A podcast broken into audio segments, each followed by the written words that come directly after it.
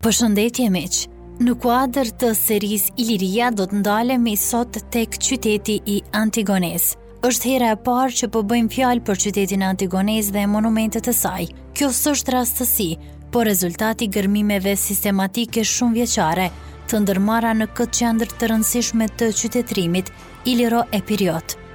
Nga viti në vit, punimet e kryera në këtë vendbanim të lashtë, po japin përherë e më tepër material të pasur arkeologjik, që flet jo vetëm për shkallën e lartë të zhvillimit ekonomik e kulturor, për kohën e lulëzimit të tij, por edhe për vazhdimësinë e jetës në periudhat e mëvonshme historike. Për këtë arsye, ne kemi menduar që në këtë dëgjim të ndalemi kryesisht në studimin e mozaikut të bazilikës paleokristiane të këtij qyteti, të zbuluar vite më parë Gjatë gërmimeve, Trikonka e Antigonesë, që përbën objektin e studimit, ndodhet në skajin më jugor të kodrës së qytetit. Në këtë anë, ndodhet një platformë pak më e ngritur se toka përreth, të cilën banorët e fshatit e quajnë Kalaja e Jermës. Kjo pllajë nga lindja, jugu dhe perëndimi ka një pjerrësi të theksuar, që shndërrohet në një rrëpirë të pangjitshme. Nga veriu, përmes një lugu, ajo bashkohet me kreshtën, ku shtrihet qyteti antik. Në vitin një mijë e nëntëqind e shtatëdhjetë e katër, duke gjurmuar murin rrethues, punimet ndeshën në rrënojat e një godine. Gërmimet treguan se këtu kemi të bëjmë me një godinë kulti. dyshemeja e së cilës qe e shtruar me një mozaik shumëngjyrësh. Godina nuk është zbuluar krejtësisht, megjithatë pjesa e zbuluar deri më tani na jep mundësi të formojmë një ide të përgjithshme të planimetrisë së saj. Në planimetri, godina paleokristiane është trekonkëshe. Ajo është orientuar si zakonisht me absidë nga lindja. Ka një gjatësi prej 13.80 metra, lindje-perëndim, dhe një gjerësi prej 4.60 metra në anijatën qendrore. Në fushatën e gërmimit, përveç anijatës u zbuluan edhe dy ambiente anësore që shërbenin si anekse të bazilikës. Trikonika e Antigonesë formohet prej dy pjesëve kryesore, prej anjatës qëndrore dhe ambientit të altarit. Anjata qëndrore është e gjatë 7.30 metra dhe e gjërë 4 metra. Dyshemeja e saj qe e shtruar me pllaka guri, nga të cilat kishin mbetur vetëm disa në qoshen veriperëndimore.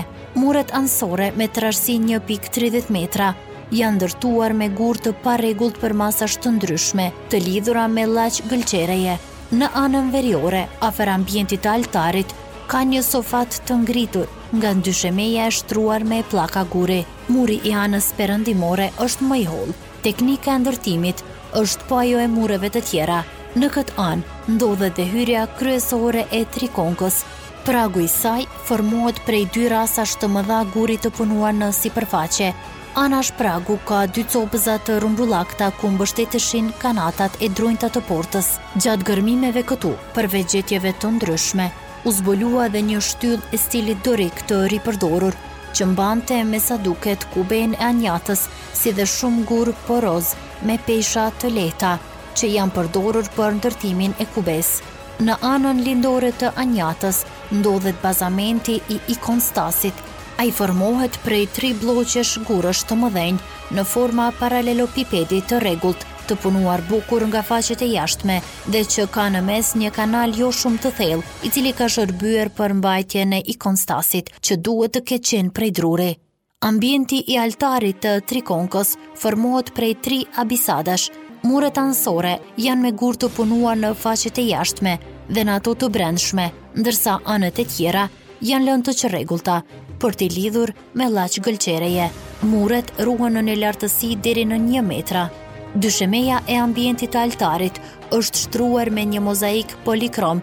Shtresa e mozaikut ka arritur deri në ditët tona, në pjesën më të madhe të tij, në gjendje relativisht të mirë. Në anën jugore, ai është mjaft i dëmtuar dhe kjo ka ardhur si rezultat i shembjes që ka pësuar kubeja e godinës. Motivin qëndror të mozaikut e përbën figura e një njeriu me brirë në kokë e fytyrë, sqep zogu me njërën dorë të ngritur lart, kurse tjetrën poshtë. E gjithë kjo figurë është futur në një katror të kufizuar me dy reshta kubikësh të zinj. Figura e njeriut është e veshur me kilota të bardha dhe një pelerinë të hapur prapa shpine, e zbukuruar me një bordurë të kuqe. Në këmbë ka mbathur një palë opinga me lidhëse të gërshetuara deri në gju. Konturet e figurës janë dhënë me një rresht kubikësh të zinj. Përreth subjektit qendror janë paraqitur figura të ndryshme nga bota shtazore dhe bimore. Mozaiku i absidës veriore ka motive të tjera. Ai përbëhet së pari nga një buzinë e gjerë, Motivi i buzinës është figura e gjetheve të urthit. Në pjesë të ndryshme të dyshemesë, ndodhen dhe katër mbishkrime greqisht. Duhet thënë se jo të gjitha këto mbishkrime janë ruajtur në gjendje të mirë. Më mirë ruhen dy mbishkrimet e figurës qendrore, dhe sidomos mbishkrimi i vendosur mbi figurën e kantarit. Mbishkrimi 4 që ndodhet afër pragut është shumë i dëmtuar dhe i shkruar jo me shumë kujdes, prandaj dhe ka vështirësi leximi. Të gjitha mbishkrimet janë shkruar me kubikë të zinj, mbi një sfond të bardhë, të rrethuar me një shirit të ngushtë të mbushur me gurë të zinj. Nga leximi paraprak që u kemi bërë këtyre mbishkrimeve, rezulton se ato bëjnë fjalë për kriteret që kanë kontribuar në ndërtimin e kësaj bazilike, si edhe për kryemjeshtrin që e ndërtoi këtë godinë dhe ikonostasin. Dyshemeja e mozaikut të Antigonesë përbëhej nga një bazë llaçi gjashtë centimetra e trashë, gëlqereje të zierë me rërë të trashë dhe pluhur tulle dhe nga një shtrat prej llaçi të bardhë katër centimetra të trashë. Me këtë shtrat të dytë janë vendosur kubikët e mozaikut.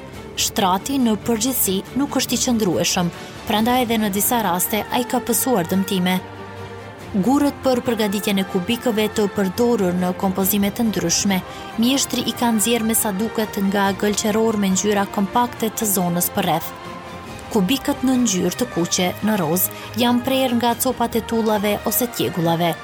Gurët e kubikëve në përgjithësi kanë trajtë katërkëndëshe dhe përmasat e zakonshme të tyre janë afërsisht një centimetër. Dekori i mozaikut të trikonkës, sikurse shihet nga motivet dhe ngjyrat, është mjaft i larmishëm. Mjeshtri mozaicist është përpjekur t'u shmanget përsëritjeve të motiveve.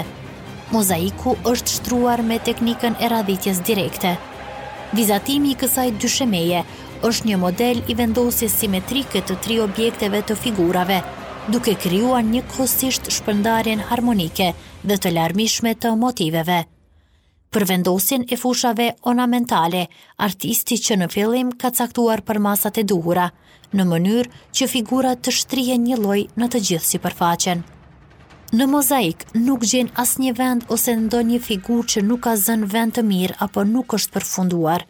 Ato janë vendosur me saktësi dhe të grupuara me tema të veçanta, prandaj, qëndizma e ndërtuar mbi bazën e tyre del para nesh e qartë dhe e përsosur. Gjatë radhitjes së motiveve, piktori ka përdorur teknikën e kombinuar në paraqitjen e motiveve të thjeshta, ndërsa në paraqitjen e vizatimeve figurore të emblemës qëndrore është përdorur teknika opus verniculatum. Subjekti qendror i bazilikës paraqitet me interes, ai është unikal për mozaikët e zbuluar në vendin tonë. Ashtu sikurse theksuam edhe më lart, tani për tani është vështirë të themi me siguri se ç'paraqet subjekti i emblemës qendrore, por ne jemi të prirur të themi se mjeshtri ka paraqitur një bashkim të elementeve pagane me përfytyrimet e reja kishtare. Në kompozimin e mozaikut, mjeshtri me përjashtim të figurës qëndrore që nuk e ndeshim në asnjë vend tjetër, është nisur nga skema të njohura të përgjithshme. Disa nga këto motive të tjera i gjejmë edhe në mozaikët e krahinës fqinje, siç janë mozaikët e Sarandës dhe e Butrintit. Figura gjysmëhënë i gjejmë të vizatuara në një nga sallat e banjës së Butrintit të shekullit të parë para erës sonë, që ndodhet në kompleksin e teatrit të këtij qyteti. Figurat e trekëndshave i kemi ndeshur në mozaikët e Apolonisë në shekullin dy dhe tre të erës sonë, kurse rrathat në mozaikët e Sarandës. Figura e kantarit gjen analogji në figurën e kantarit të Baptisterit të Butrintit. Këto motive të rëndomta të mozaikëve të periudhës romake vazhduan të përdoren edhe në shekullin pesë dhe gjashtë të erës sonë. Vlen për t'u përmendur se në këto paraqitje artistike të emblemës qendrore, Përveç elementeve kishtare apo pagane, ka edhe elemente popullore të veshjes, të cilat dallohen mjaft qartë, si për shembull kilotat e bardha, opingat me lizet e tyre të larta dhe pelerina që ngjan me brucën baritore. Të tri këto elemente janë karakteristike edhe për krahinën etnografike të trevave jugore të vendit tonë. Futja e këtyre elementeve etnografike vendase në këtë emblemë na shtyn të mendojmë që artisti, Ka qenë një njohës i mirë i vendit, në mos edhe me prejardhje nga kjo krahinë. Duke u nisur nga forma planimetrike dhe sidomos nga përmbajtja e mozaikut, si dhe nga karakteri i formave të mbishkrimit, rezulton se trikonka e Antigonesë duhet t'u përkasë shekujve pesë dhe gjashtë të erës sonë. Në këtë kohë të çojnë elementet stilistike të mozaikut tonë, motivet e pjergullës, vilet e rrushit, eukaristia dhe peshqit. Të gjitha këto elemente janë karakteristike për mozaikun bizantin të shekullit të gjashtë.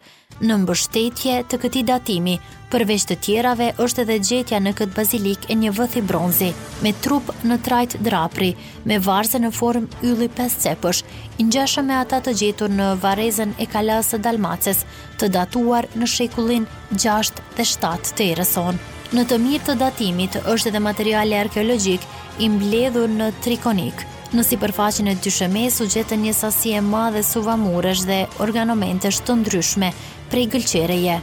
Mozaiku dhe lënda tjetër arkeologjike të zbuluar këtu tregojnë se kemi të bëjmë me një trikonkë paleokristiane.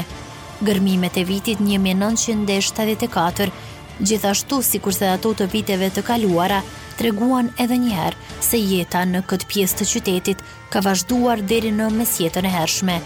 Nga ana tjetër, mozaiku i zbuluar në Antigone është një burim i çmueshëm për historinë e artit në përgjithësi në vendin tonë.